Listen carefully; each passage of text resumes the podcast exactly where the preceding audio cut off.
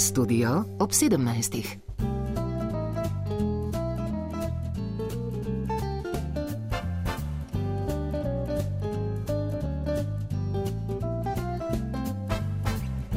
Lepo pozdravljeni. Letošnja generacija maturantov bo zaradi vpliva COVID-a in ukrepov proti njegovi širitvi imela, najbrž zadnja, nekoliko prilagojeno splošno in poklicno maturo. Za njo bodo, tako kot v lanskem letu, veljale določene prilagoditve. Na ustnih delih izpita bo upoštev prišlo 15 odstotkov manj snovi. Pri matematiki bodo lahko imeli kalkulator pri prvi izpitni poli, natisnjenih bo več formul, prilagoditve so pri maturitetnem eseju, za razliko od lani pa ne bo več splošnega 10-odstotnega bonusa na rešene izpitne pole. A direktor državnega izpitnega centra, dr. Darko Zupanc, podarja.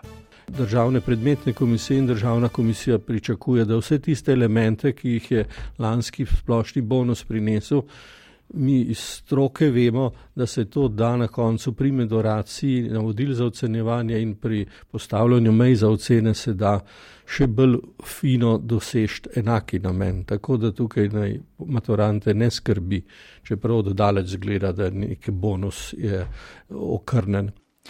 Tokratno oddajo Studio ob 17. pa bomo namenili prvemu dejanju letošnjega zrelostnega izpita. Maturitetni esej bodo kandidati splošne mature pisali 4. maja. Na prvem pa bomo, kot vsako leto, maturitetnim vsebinam namenili kar nekaj pozornosti. Danes romanu slovenskega pisatelja Andreja Hinga Čudežni Felix. Kaj odlikuje ta roman, katere teme so v njem predstavljene, katere literarne osebe v njem nastopajo, kakšna sporočila predaja bravcu. Še prej pa seveda tudi, kakšne so prilagoditve eseja, katerega tematski sklop nosi naslov v svetu blišča in bede. V Mariborskem studiu so naši gostje, profesor slovenščine na drugi gimnaziji Maribor Drago Meglič in dijaki iz te šole Jara Gostinčar, Nina Kujundžič Lukaček. Filip Borec in Luka Frim. Lepo pozdravljeni. Dobro, dan. Maturanti bodo lahko na prvi izpitni poli slovenščine izbrali interpretativni esej, tu bodo prejeli odlomek iz romana Čudežni Felix ali pa razpravljalni esej, za katerega se odloči večina maturantov. In prav pri slednjem so prilagoditve, tako kot lani, večje. Na voljo bodo imeli dva naslova. Prvi bo sredotočen le na roman Andreja Hinga, pri eni postavki na vodil pa ga bodo morali kandidati usporejati še z enim poljubnim književnim delom, iz učnega načrta, ki si ga bodo lahko izbrali sami, to pa je lahko tudi drugo maturitetno čtivo, Veliki Gatsby ameriškega pisatelja Francisa Scotta Fitzgeralda. Drugi naslov za razpravljalni esej pa bo o obeh romanih in nobene primerjave z drugimi književnimi deli ne bo zraven. Kako vi ocenjujete te prilagoditve, Drago Meglič, tudi glede na izkušnje iz lanskega leta, ko je bilo zelo podobno?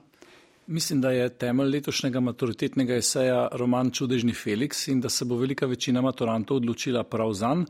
Je pa ob enem dobra priložnost, da ta roman usporejo z ameriškim romanom Veliki Gatsby, ki se ga prebere hitro. Roman je izjemno berljiv, po njem je posnet film, ki se dokaj dobro oziroma zvesto drži književne predloge, zato verjamem, da bo dijakom v pomoč.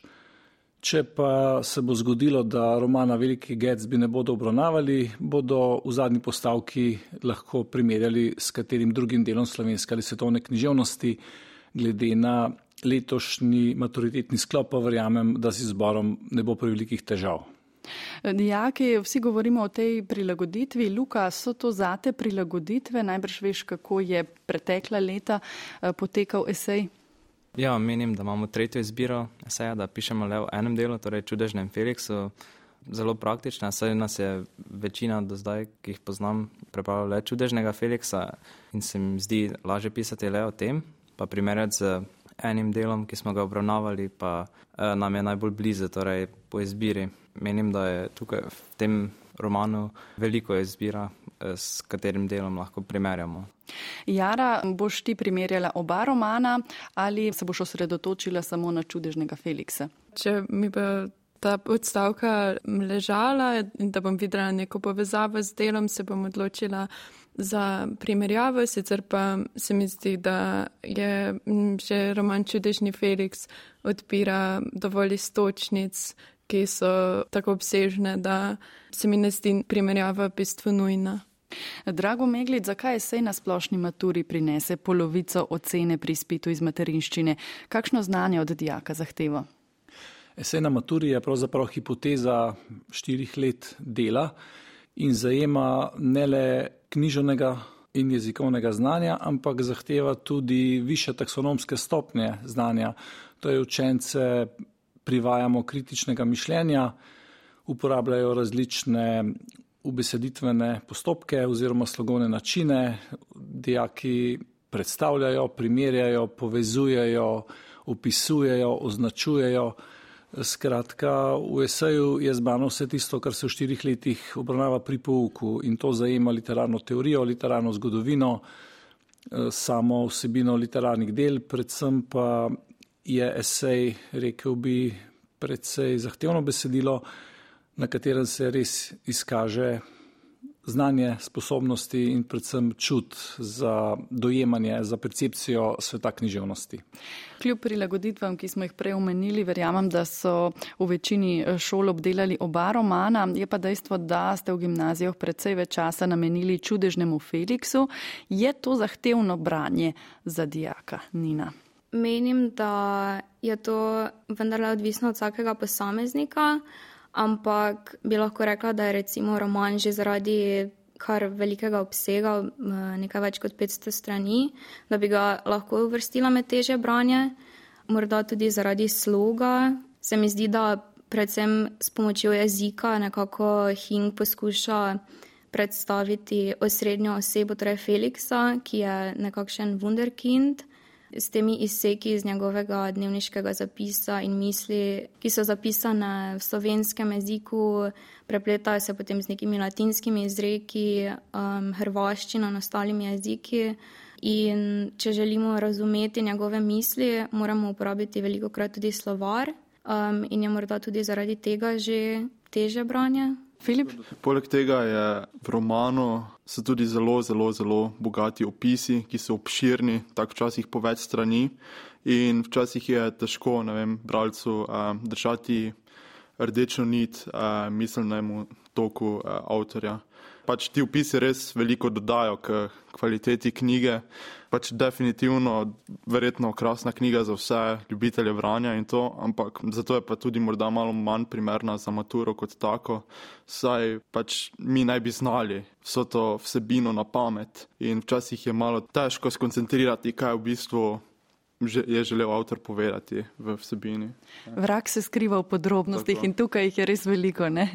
Drago Meglič, kako vi gledate, je to zahtevno branje za dijake? Vsekakor čudežni Felix je roman, ki ga ne moreš odpraviti z enim zamahom, roman, ki se mu moraš posvetiti.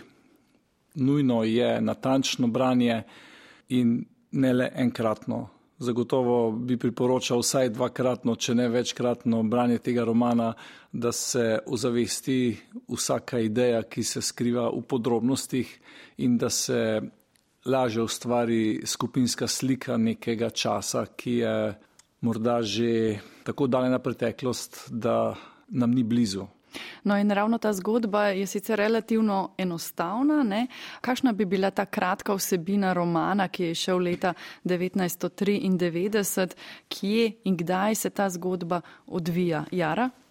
Dogajalni prostor je večinoma postavljen v neimenovano graščino oziroma graščino še časovno pa sega v obdobje pred drugo svetovno vojno oziroma obdobje spenjajočega se nacizma in fašizma in vso to zgodovinsko dogajanje močno zaznamuje um, družino Kalmus misija, če tudi je njihova graščina nekakšen otok sredi tega burnega zgodovinskega dogajanja.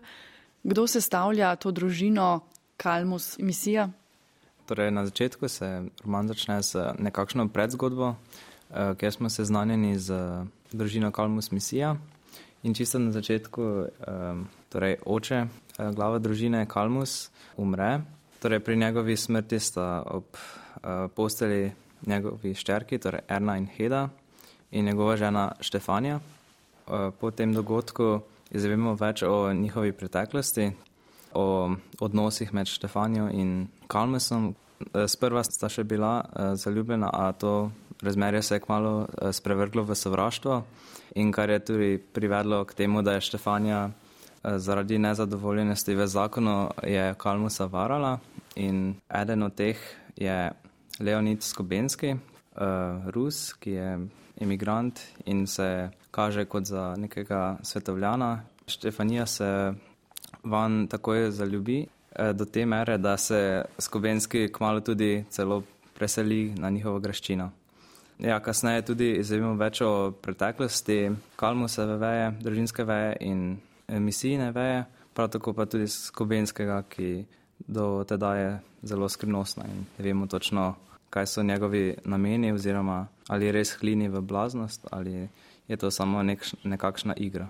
Seveda tukaj sta še dve hčeri od Štefanije in eh, Kalmusa. To družinsko ozračje nekako pa še bolj na elektri prihod Feliksa. To se dogaja vse leta 1937, pa se mogoče osredotočimo zdaj na te literarne osebe, ki predstavljajo hrbtenico tega romana. Pet ali sedem jih je. Eh, najprej o Feliksu, Kalmusu. Filip, kdo je to? To je naslovna oseba tudi, ne? Ja, tako je. Felix Kalmus je v bistvu 16-letni deček, ki je prišel um, živeti v to družino misija, potem ko mu je umrla mati.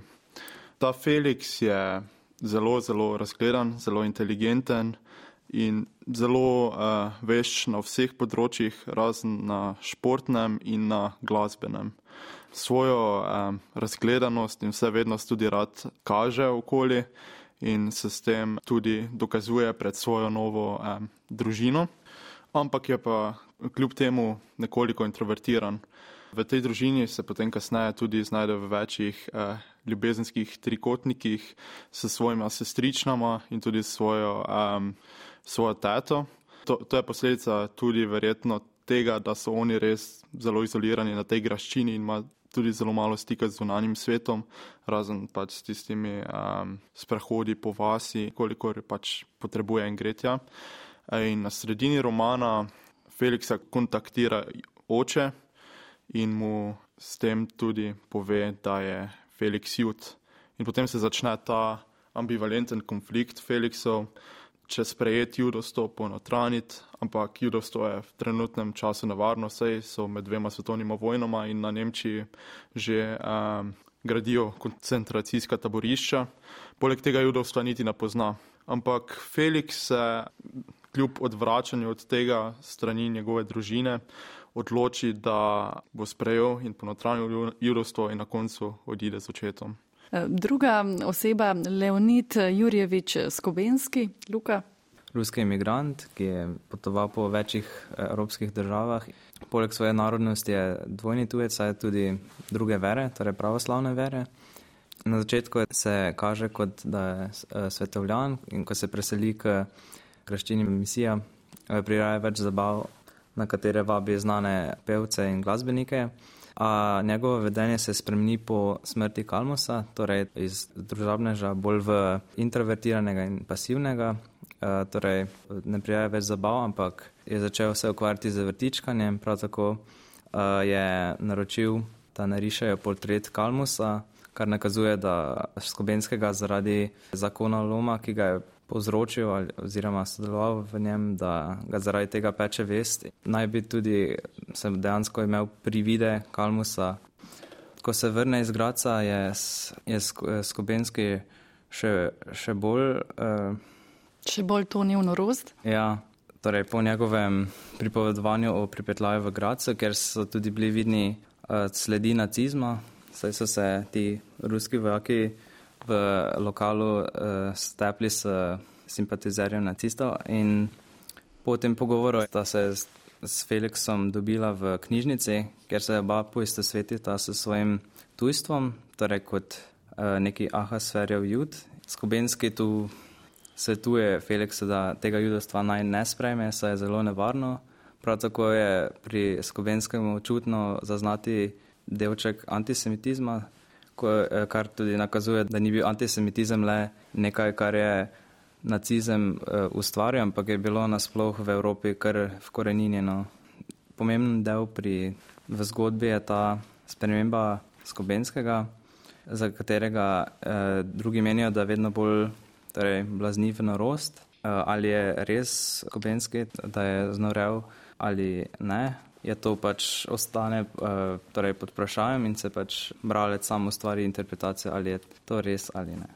Torej, če povzamem, je skobenski ruski emigrant, mojster ceremonij z veliko skrivnosti, ki je iz Rusije pobegnil pred bolševiki. Bil je vojak, naj bi bil tudi plemič, sicer se kasneje izkaže, da je sin popa, igralec, stat in celo morilec. Zelo rad ima ženske z veliko bogatstva, no po Kalmusovi smrti pa se spremeni, torej ne več zabave in hedonizem, temveč bolj mirno, skromno življenje v stiku z naravo.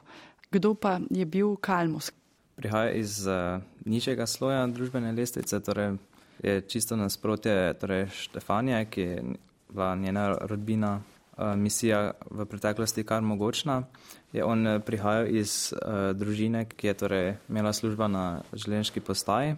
To, kar ga je pognalo v to ambicioznost v življenju, je bila torej, usoda njegovega očeta, ki je naredila njegovi družini veliko škodo. Zato je vajeti družine prevzel Kalmus, ki je že kot uh, otrok torej, skrbel in bil glava družine in v svoji mladosti eh, zelo zgodaj torej postal uspešen eh, do te mere, da je lahko, da mu je uspelo se poročiti z takšno družino, kateri je bila Štefanja. Torej, v novi družini je bila njegova delavnost ključna za to, da je eh, graščina oziroma ja, rodbina še obstajala, saj je, so prejšnji misijevci premoženje kar pač, da jim ni šlo eh, ravno dobro in je Kalmusovi posli so rešili to družino, da še vedno bila eh, dokaj vplivna. A Štefanija tega ni nikoli spoznala oziroma ni eh, cenila, pa tudi ni prejemala nobene ljubezni od Štefanije, ki ga je zadnja leta njegovega življenja varala. Torej, ena izmed osrednjih uh, ženskih oseb je Štefanija Kalmus, uh, mati Erne in Hede. Za njo izvemo, da je sprva svojega moža Kalmusa še ljubila, potem pa se je ta njuna ljubezen nekako um, sprevrgla v sovraštvo. Sklepamo lahko, da se je to zgodilo morda zaradi moževe prezaposlenosti in zato je tudi Štefanija večkrat odhajala na počitnice skupaj s svojima hčerkama, kjer je tudi na zadnje spoznala tega skobenskega in postala sta ljubimca. Štefanija je svojemu možu večkrat očitala to stanovno razliko med njima, da je ona prihajala iz ugledne družine, medtem ko pa to za njih ni veljalo. Spoznamo pa je tudi kot neko žensko z množno ljubezni, ki jo čuti predvsem do skobenskega, um, samo potem, ko on nekako zblazni oziroma se mu pomrači um, um, stoji ob strani in prevzame nekakšno vodilno vlogo v družini, reši tudi te neuspele njegove posle. Ja. In ja, se torej skupaj s hčerko Erno odloči, da bo skrbela za njega v uh, najhujših urah. In tu sta torej obe hčerki, Štefanije in Kalmusa, Erna in Heda. Jara, na hitro. Uh mhm. -huh. Torej, Erna je starejša izmed sester, ima neke skoraj plemiške poteze, je zelo uglajena, lepega vedenja in prav iz tega razloga zelo prezira svojo mater, ki slabo vpliva na uh, družinsko ime. Um, Medtem ko je Heda njeno nasprotje v tem pogledu, da se požvižga na ta meščanska merila, se iz njih ponorčuje in dosti krat pokaže na neke moralne sprevrženosti likov, ki naj bi bili moralno nesporni in čisti, veliko bolj se zabava in kaže na tabuje, ki vladajo v družini. Zdaj v romanu je kar nekaj vrhov, nekaj takih prizorov. Ne? Hink je bil tudi dramatik in režiser. Filip, kateri se ti zdijo ključni ali v katerih se mogoče razkrije največ? Um, so to pripiri, je to prihod Feliksa, kaj se tebi zdi? Uh, ja, tako kot ste rekli, uh, takih razkritij, takih dogodkov je več. Včasih so tudi lažni, včasih te na napačno stvar napeljejo. Recimo na začetku romana Štefanija reče, da uh, ima Kalmus razmerje svoje sestre in potem se cel roman lahko sprašujemo, ali je to res, ali to ni res. Ali je Felix uh, otrok in cesta, ne ali ja, ne? Točno tako. Potem največje razkritje je verjetno takrat, ko Felix izve, da je jud in potem to v bistvu tudi dovede do glavnega konflikta romana, torej kaj zdaj storiti. Tudi eden izmed še razboljivih dogodkov je bitka na gradu, ko Fonzi z uh, svojo tolpo napade grad in potem ne veš, kaj se bo zgodilo in uh, ali bo zdaj vse šlo na robe ali pa bodo vsi končali srečno. Uh, vse to potem vodi tudi do zaključnega razpleta, da se Felix odloči, da bo šel uh, svojim očetom v tujino. Ki ga je spoznal šele pred kratkim, ne? Ja, točno tako. Pa bi lahko rekli, glede na vse to, kar smo zdaj povedali o literarnih osebah, da nekako um, med njimi manjka tista prava ljubezen, da čeprav so zavezani drug drugemu, živijo skupaj, se pogovarjajo, um, da vseeno ni med njimi pravega razumevanja, bližine, nekega spoštovanja in zaupanja, da nekje celo prevlada sovraštvo. Ja, definitivno sploh v razmerju med Štefanijo in Erno. Nek rek govori, da uh, spoštovanje je tam, ker naj bi bila ljubezen, pa je ni. Torej, to je ravno ta uh, odnos med tema dvema materjo in hčerko, to se eh, tam vidi, potem tudi med možem in ženo, med Kalmusom in Štefanijo. Pač Kalmus se zelo trudi za družino, jo poskuša spet povesti v nekdanjo slavo, medtem ko se Štefanija samo zabava z svojimi ljubimci. Ja, tudi med sestrama, ne? Ja, tudi med ljubezni. sestrama, tako je.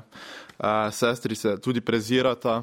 Erna verjetno niti ne razume Hedine stiske, zato ker v življenju ni bila zapostavljena tako kot je Heda. Heda je pa zapostavljena zgolj zaradi svojega izgleda in potem eh, tudi Heda zato verjetno posega po drugačnem življenju, kot ga naj bi živela vsa ta eh, plemenita družina. Torej to umankanje ljubezni ali pa sovraštvo igra kar pomembno vlogo ne, v tem romanu, Drago Meglič. Tako je, če govorimo o svetu blišča in bede, moramo podariti, da se eno ujema z drugim da je za vsem tem glamurjem, ki ga poseblja ta otoček v kraju Š svojim uglejenim vedenjem, posebej ga seveda izpostavlja oziroma poseblja prav Štefanija Kalmus, pozneje se bolj predstavlja kot misija, zavedajoč se, da je njen mož nedovolj plemenit za njeno nobel družino. No in temu je podrejeno njeno življenje na gradu, o skrivnostih se ne govori, o tem, kar se dogaja za štirimi stenami, javnost ne sme izvedeti, zato da nimo ne govorijo o izginotju Hede, se z njim pretirano ne ukvarjajo, zato molčijo o številnih drugih skrivnostih in legendah, družinskih zgodbah, ki pa s časoma priurejo na plano. In zlasti Felix je tisti vzvod, ki sproži njihovo odkrivanje in tako spoznamo, da se za masko svetovljanstva, uglajenosti in neke meščanske gospodskosti v resnici res skriva veliko sovraštva, kot so že prej povedali dijaki na vseh ravneh, da se skrivajo umazane podrobnosti od spolnih zlorab, posilstva do zapostavljenosti v lastni družini in seveda popolnoma disfunkcionalnih odnosov med zakonskimi partnerji.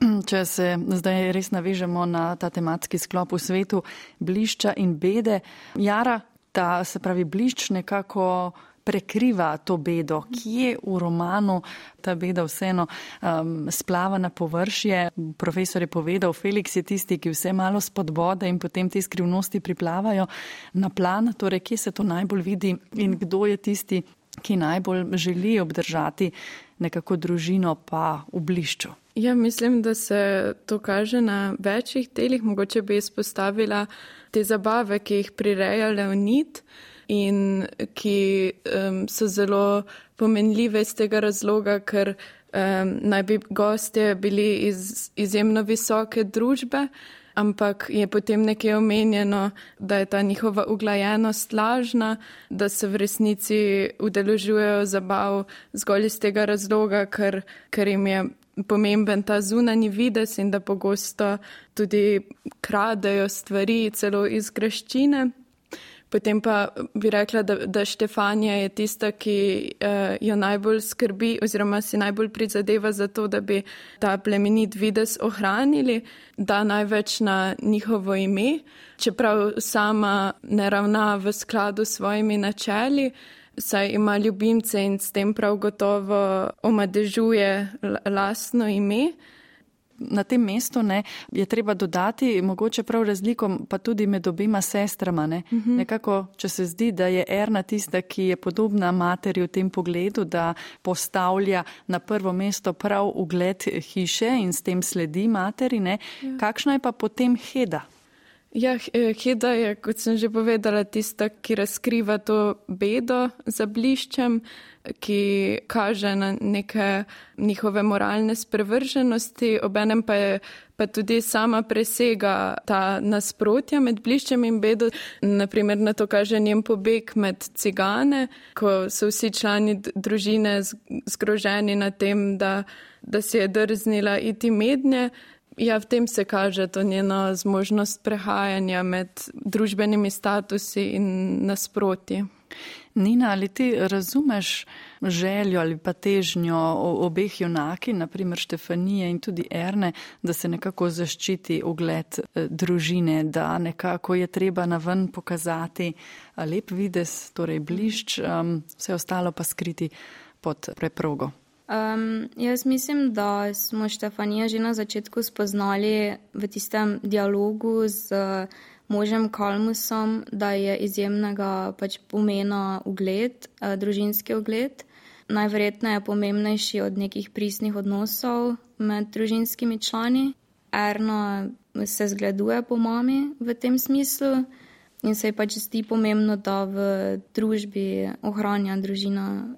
Prej smo rekli, da je Felix tisti, ki razburka to družinsko okolje in zaradi katerega tudi določene skrivnosti priplavajo na površje. Uh mhm. -huh. Ampak tu je še ena druga os. Ne? Tukaj gre še za dogajanje na enem takem širšem družbeno-političnem dogajanju. Torej, omenili smo leto 1937 v Nemčiji se dogaja marsikaj. Tu je prebujanje proti judovskega razpoloženja. Tudi Eh, v Sloveniji pričakovanje tudi nove vojne. Kako pa ta širša družbeno-politična scena vpliva na zasebno sfero, torej na družino Kalmus, misija in vse njihove prijatelje? Eh, to zgodovinsko dogajanje oziroma to vzdušje je zelo vpliva na skoraj vse like, glavne like v romanu. Ta slutna vojna je že prisotna, ko še Kalmus živi, torej eh, ko se pogovarja z Štefanijo, ko je kritiziral njeno potrošništvo, pa razozdano s temi zabavami, da je to zelo uh, neumno, saj že opaža v gospodarskih tokovih, glede njihovih, njegovih poslov, da se bliža neka vojna in da bojo velike ekonomske spremembe oziroma krize in se morajo za to pač primerno pripraviti a po njegovi smrti potem Štefanija preda pristojnosti nad premoženjem Leonidu, ki pa, kot izvemo kasneje, ni, iz, ni ravno izkušen s, s poslovanjem z tako velikim premoženjem, saj vidimo, da premoženja, torej nepremičnine pa tovarne, eh, kar prodaja in jih torej menja za zlato in dragulje, kar ni, glih, ni, ni ravno eh, najbolj smiselno. Prav tako to zgodovinsko dogajanje bistveno vpliva na Feliksa, saj ko izveza svojo judovstvo, je torej Feliks postavljen pred pomembno odločitvijo, ali to judovstvo sprejme ali ga raje prikrije, saj je objektivno judovstvo zanj lahko grožejoče, ne le zanj, ampak tudi za celotno družino. Te grožne vojne se najbolj zaveda uh, Leonid, saj ima že izkušnje iz eh, Rusije, ker je bila bolševiška revolucija in je že tam videl nevarnost, eh, kaj se, se lahko zgodi, ko je takšna situacija.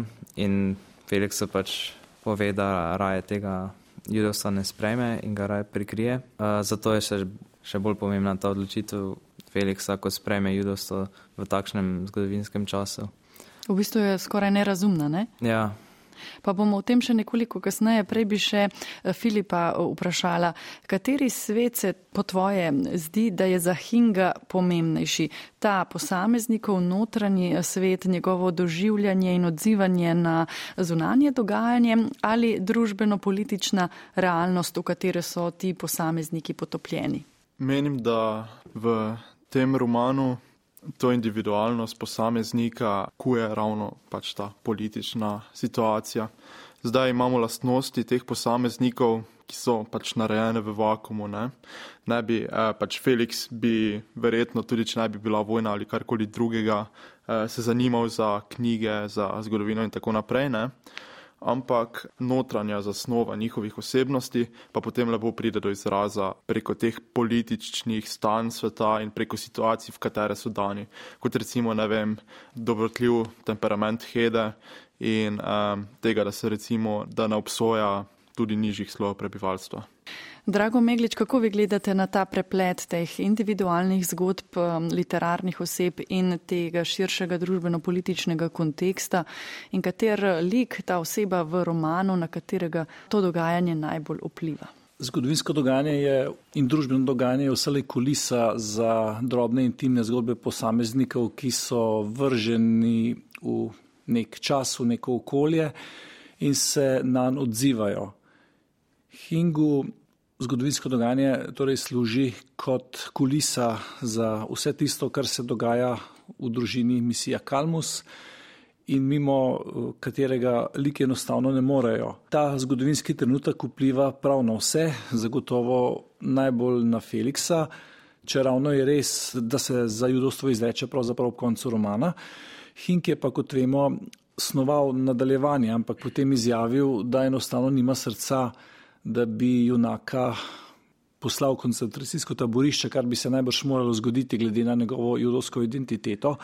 Zato se je pri tem končalo. Torej, roman ni nadaljeval, zadnje dejanje je njun odhod proti Italiji in napoved, da je njuna pot predmet neke nove zgodbe.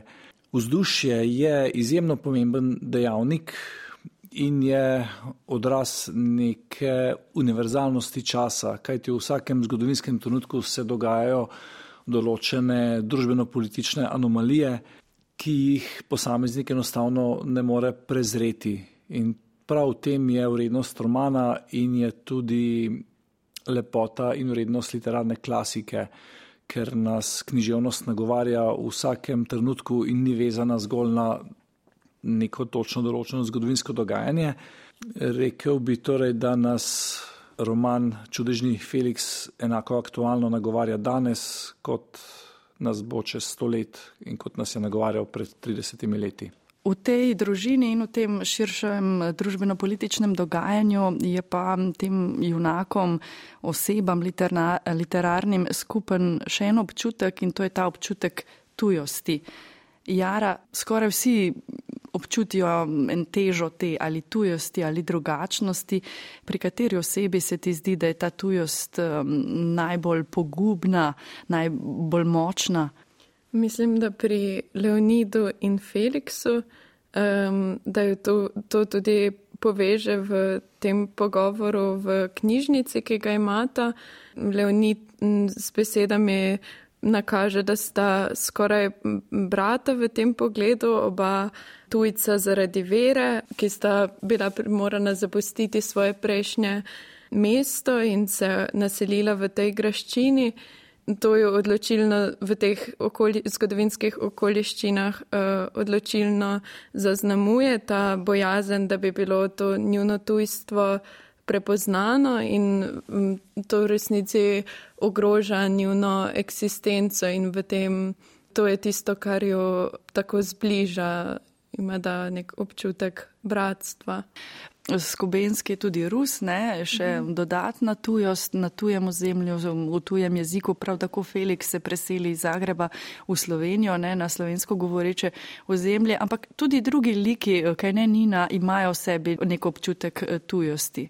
Ja, mislim, da je v družini, da je ta občutek tujosti verjetno najbolj prisoten pri Hedi, ker se mi zdi, da se nekako razlikuje predvsem od Erne, ki je prva hči in je tudi nekako zapostavljena zaradi tega. Potem mogoče išče neko pozornost s tem, ko večkrat pove tisto, kar si drugi mislijo in se že v tem razlikuje od ostalih. Potem tudi je pobegnila od doma, eh, kar so drugi družinski člani obsojali, medtem ko je njej bilo to ne nekaj nenavadnega, ampak ni se izdelo toliko omembe vredno. Tukaj je še Kalmus, ne, ki se nekako mm, ja. v družini misija tudi ni najbolj znašel, oziroma ja. so ga nekako zapostavljali do pogreba, ko mm -hmm. so mhm. ga ne, um, ja, pokopali v grobnico misije. Ja. Um, tudi po smrti je Štefanija nekako ohranjala ta ne preveč spoštljiv odnos, nad čimer se je potem zgrožala njena hči Erna. Štefanija je prav tako na enem mestu rekla, ne, da se ne počuti nikjer doma, da um, najprej jo je odrivala družina misija zaradi Kalmusa, na to zaradi uh, Rusa. Tukaj je še Feliksov oče, Teo Hirš, ki je zaradi judovstva preganjan, odpovedujejo mu koncerte. Omeniti moramo brata Modic, ne dvojčka, nekako Albina, ki pridigata proti oblasti, prebirata svetopismo po svoje. Nekako ta tujost je doma skoraj pri vsem Drago Meglič, kako zaznamuje um, te literarne osebe in um, kakšno podstat daje romanu.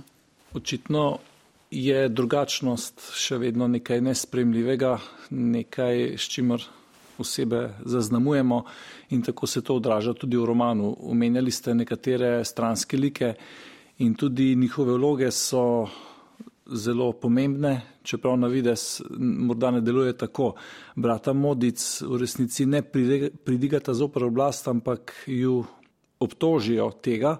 V resnici sta pa neškodljiva pridigarja, nekoliko čudaška brata, ki živita skoraj da puščavniško in nikomur ne škodujeta, hodita po farah, recimo brezplačno umivata mrliče in podobno oblast jo pa nekako kot drugačna takoj vzame pod lupo in ju pripre.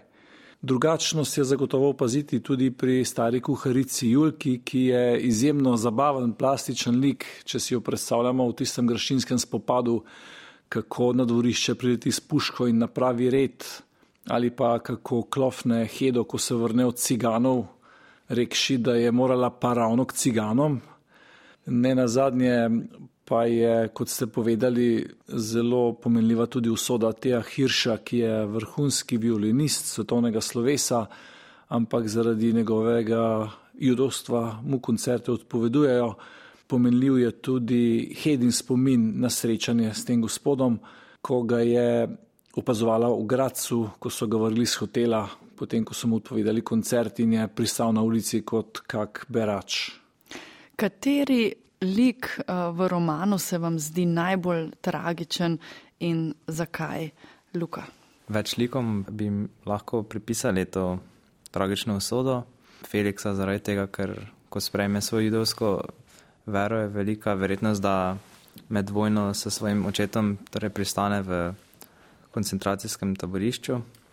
Lahko bi tudi tragično usodo pripisali Hedi, ki zaradi svoje zaradi uh, svojega izgleda, ne, ja, debelušnosti. Ja, torej, družinski člani ne ravnajo lepo z njo in tudi zaradi tega, ker že v otroštvu je bila zaprestavljena in ker Erna se nočevala z nje in uh, tega je skozi roman večkrat izražena ta neka želja, da bi pobegnila oziroma da bi šla stran od te družine. Tudi zaljubi se v Feliksa, pa je ja. ta ne vrača čustev, ne, ker je zaljubljen v Ernu. Ja. In tudi, ko pride Felix, hoče iti z njim, a Felix uh, jo zavrača. Vidimo pa, ko dejansko pobegne in gre k bratoma uh, Modic in Ciganom, je takrat to mogoče neka manifestacija tega, da je hotela stran iz tega okoliša, ker se vsi z njo ravnajo grdo in tako da verjetno še njena osoda pač, da ostane s, to družino. Jara, kaj pa Leonid Jurjevič eh, Skobenski? Je on tragičen lit, eh, lik ali je tak prevaranski? Ne? V bistvu nam Hink ne daje odgovora, ali je njegova norost zaigrana ali mu gre samo za dragulje um, in za to, da ima kje živeti ali resnično ljubi družino in Štefanijo. Mhm. Kaj ti misliš, kako ga ti razumeš? Ja, res je, tega nikoli ne izvemo, koliko stvari je povedal po resnici, ampak jaz bi rekla, da v vsakem primeru, tudi če, če je hlinil norost, se mi zdi tragičen lik. Seveda še bolj, če je bil resnično pripeljan v blaznost. Ja bi rekla, da je torej v vsakem primeru tragičen lik, ker ker kaže na to, kako daleč lahko zgodovinske okoliščine in neke napetosti pripeljajo posameznika, ki je primoren, primoren potem se izdajati oziroma spremeniti svojo identiteto. Um, in se mi zdi z tega pogleda izjemno tragičen, torej, da je vse čas skriva to svoje poreklo, da morda hlini celo blaznost in Ampak je pa tudi sam kriv kraje in to, da je mhm. umoril ne, enega kolega Juda. Ja, to se potem razkrijejo neke, uh, neke, neki njegovi pretekli grehi.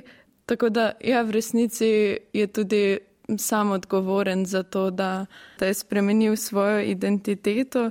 Se v tem kaže, da mogoče ga res niso eh, lepo prisilile v to zgodovinske okoliščine, ampak je tudi sam ravnal nemoralno v preteklosti.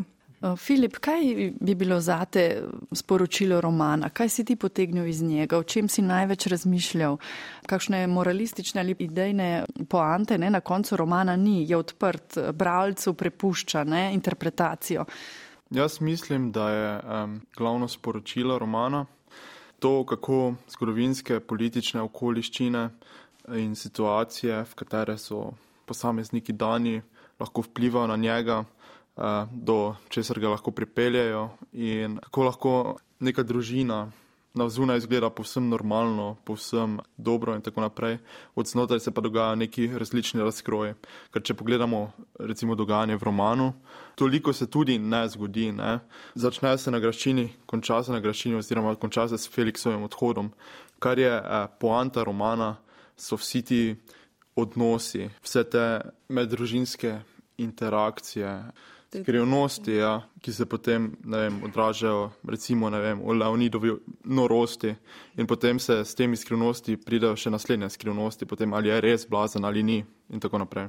Drago Meglič, kje vi vidite sporočilo romana, njegovo tudi največjo vrednost, na kakšno razmišljanje napeljuje?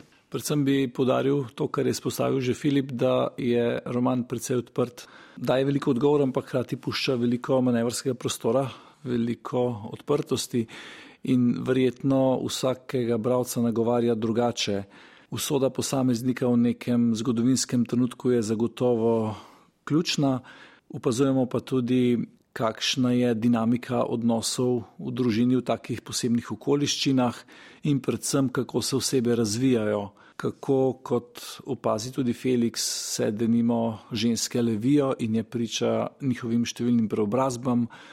Zanimivo je tudi opazovati razvoj skubenskega, o katerem prav tako ne moramo biti docela pripričani, ali so njegove faze zgolj igralski vložki, kakršnih se je priučil v vaganskem gledališču in neka domišljena taktika preživetja, in ali pa je ta lik v resnici zblaznel, torej postal bolan tu je še vedno, kot pravim, precej odprtih odgovorov. Morda je največja vrednost romana tudi v tem, da nam ne podaja vseh odgovorov, ampak nam pušča, da si jih prikličemo in ustvarimo sami. Omenili smo, da se osebe razvijajo, odraščajo. Um, Luka, predvsem to odraščanje Feliksovo je tukaj v spredju, njegovi odnosi se stričnema, eh, tudi uh, teto.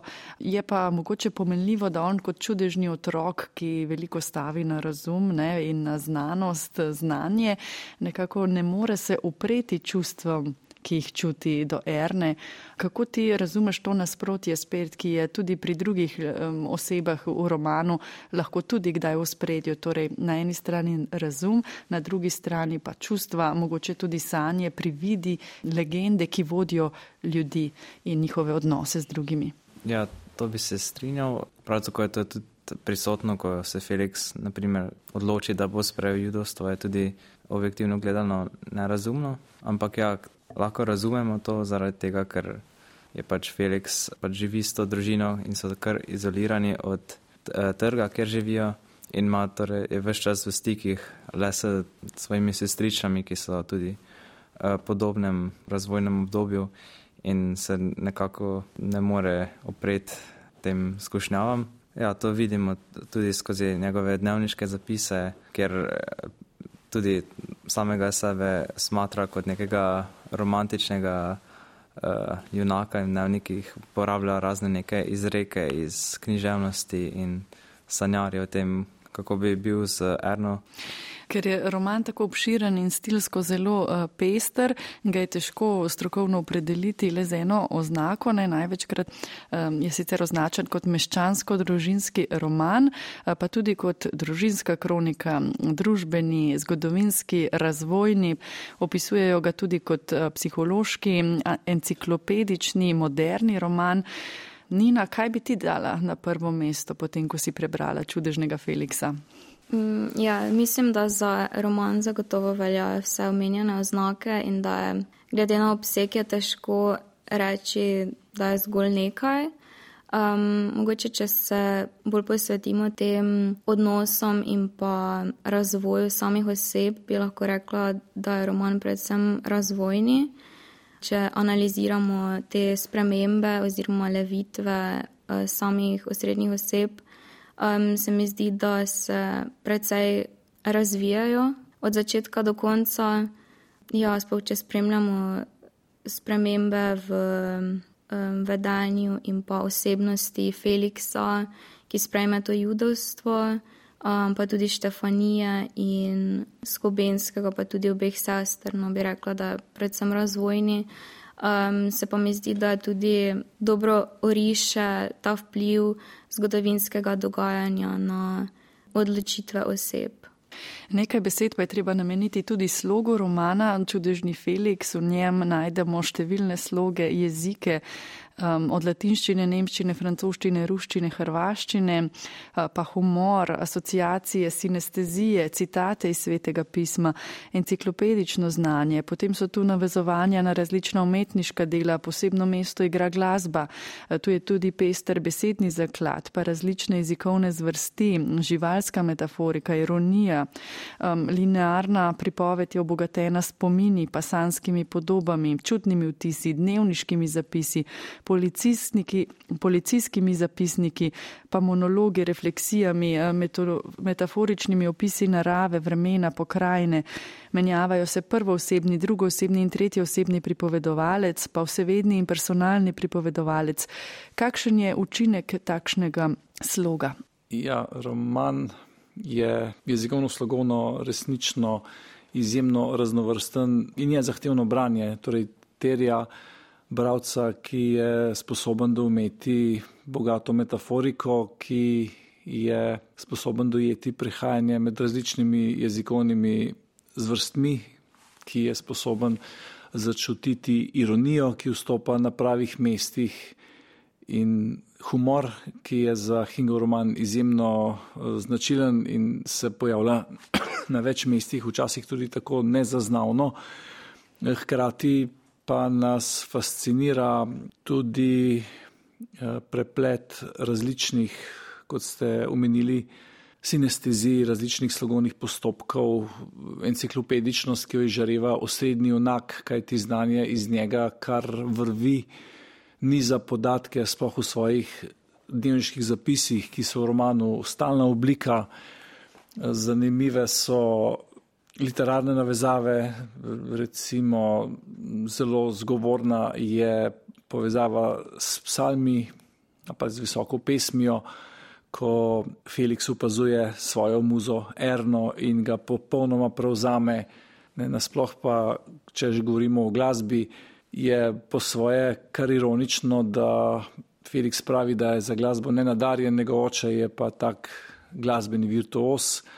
Felix se svoje pomankljivosti zaveda in pravi, da je pozabil na mater vseh mater, na muziko. Hkrati se pa zaveda tudi, da je v teh letih, pri 16, enostavno tako podvržen, mislim na ljubezen, da ga razganja in da samega sebe imenuje babi hlapec in se učita, da je pozabil na marsikaj drugega. No, če pa govorimo že o jeziku, Felix torej simultano uporablja šest jezikov, zlasti je to razvidno v dnevniških zapisih, ampak proti koncu pa samo paža, da vedno bolj piše predvsem v slovenščini. Pa Felix ime, mogoče po Felixu eh, Mendelsonu, ne, se pravi eh, judovskemu nemškemu skladatelju, ki je bil tudi čudežni otrok, ne, eh, povezav takih majhnih je kar veliko. Ja, tega je izjemno veliko, no in seveda Mendelson prav tako judovskega rodu in ko njegov oče pripravlja koncert, ga odpovedo, kaj ti dva juda bi bila preveč, dva juda bi že pomenila izzivanje in to je seveda ena od številnih referenc, ki jih v romanu resnično kar mrguli. Zaradi tega sloga, eh, Luka, je bilo težko brati knjigo? Ja, iskreno povedano je bilo na začetku kar eh, torej, zahtevno. Potem, ko prebereš že nekaj, ko padeš na zgodbo, že gre normalno brati. In dlje kot bereš, bolj ceniš ta slog in ga ponotraniš in se v zgodbi zdi naraven. Eh, Filip, tem vprašanj eh, navezal je pa pri tem romanu res najbrž veliko, ne? bo najbrž kar zanimivo potem videti, kaj boste dobili 4. maja, kateri dve možnosti za razpravljalni esej ali pa kateri del romana za interpretativnega. Ne? Kaj bi bilo tebi najbolje, v katero smer, če bi mm, šel ta esej? Morda bi bilo dobro, da začnem s tem, kar mi naj bi bilo najbolje po mojem, bi bila naj, najmanj ljuba tema uh, ljubezenski odnosi med liki, saj so ti precej zapleteni, pa skoraj nobeden ne gre v obe smeri. Všeč mi je bila tema, smo, ki smo jo recimo v šoli pisali v eseju. Recimo, mi smo pisali levitve, ta tema se mi je zdela dobra, zato ker se veliko likov v tem romanu spreminja, tako omogoča veliko manevrskega prostora za različne eseje. Vam najbrž esej ne dela težav, glede na to, da ste gosti današnje oddaje. Filip. Ja, no, mislim, da sem si. Da se moje znanje o pisanju eseja nadgradilo tekom let. Mislim, da takoj, ko sem prišel v srednjo šolo, res ni bil še tako dober, ampak zdaj v četrtem letniku pa so nas zelo, so nas zelo dobro pripravili na uh, maturo in na pisanje tega eseja. Tako da mislim, da tukaj res ne bo težav. Eh, hvala gostom z druge gimnazije Maribor za pogovor in eh, svoje razmišljanje o letošnjem obveznem maturitetnem čtivu romanu Andreja Hinga Čudežni Felix. Z nami so bili dijaki Jara Gostinčar, Nina Kojundžič Lukaček, Filip Borec in Luka Frim ter profesor slovenščine na drugi gimnaziji Maribor Drago Meglič. Hvala vam za tale pogovor. To je bila torej letošnja prva vsebina, ki jo na prvem pripravljamo maturantom v pomoč. Čez teden dni sledi tudi ob 17. o drugem maturitetnem delu in o primerjavi med obima knjigama. Vse vsebine pa bodo tudi letos zbrane v podkastu Prvi na maturi. Pod odajo se podpisuje vašetonski mojster Darko Kukovič in voditeljica Špela Šebenik.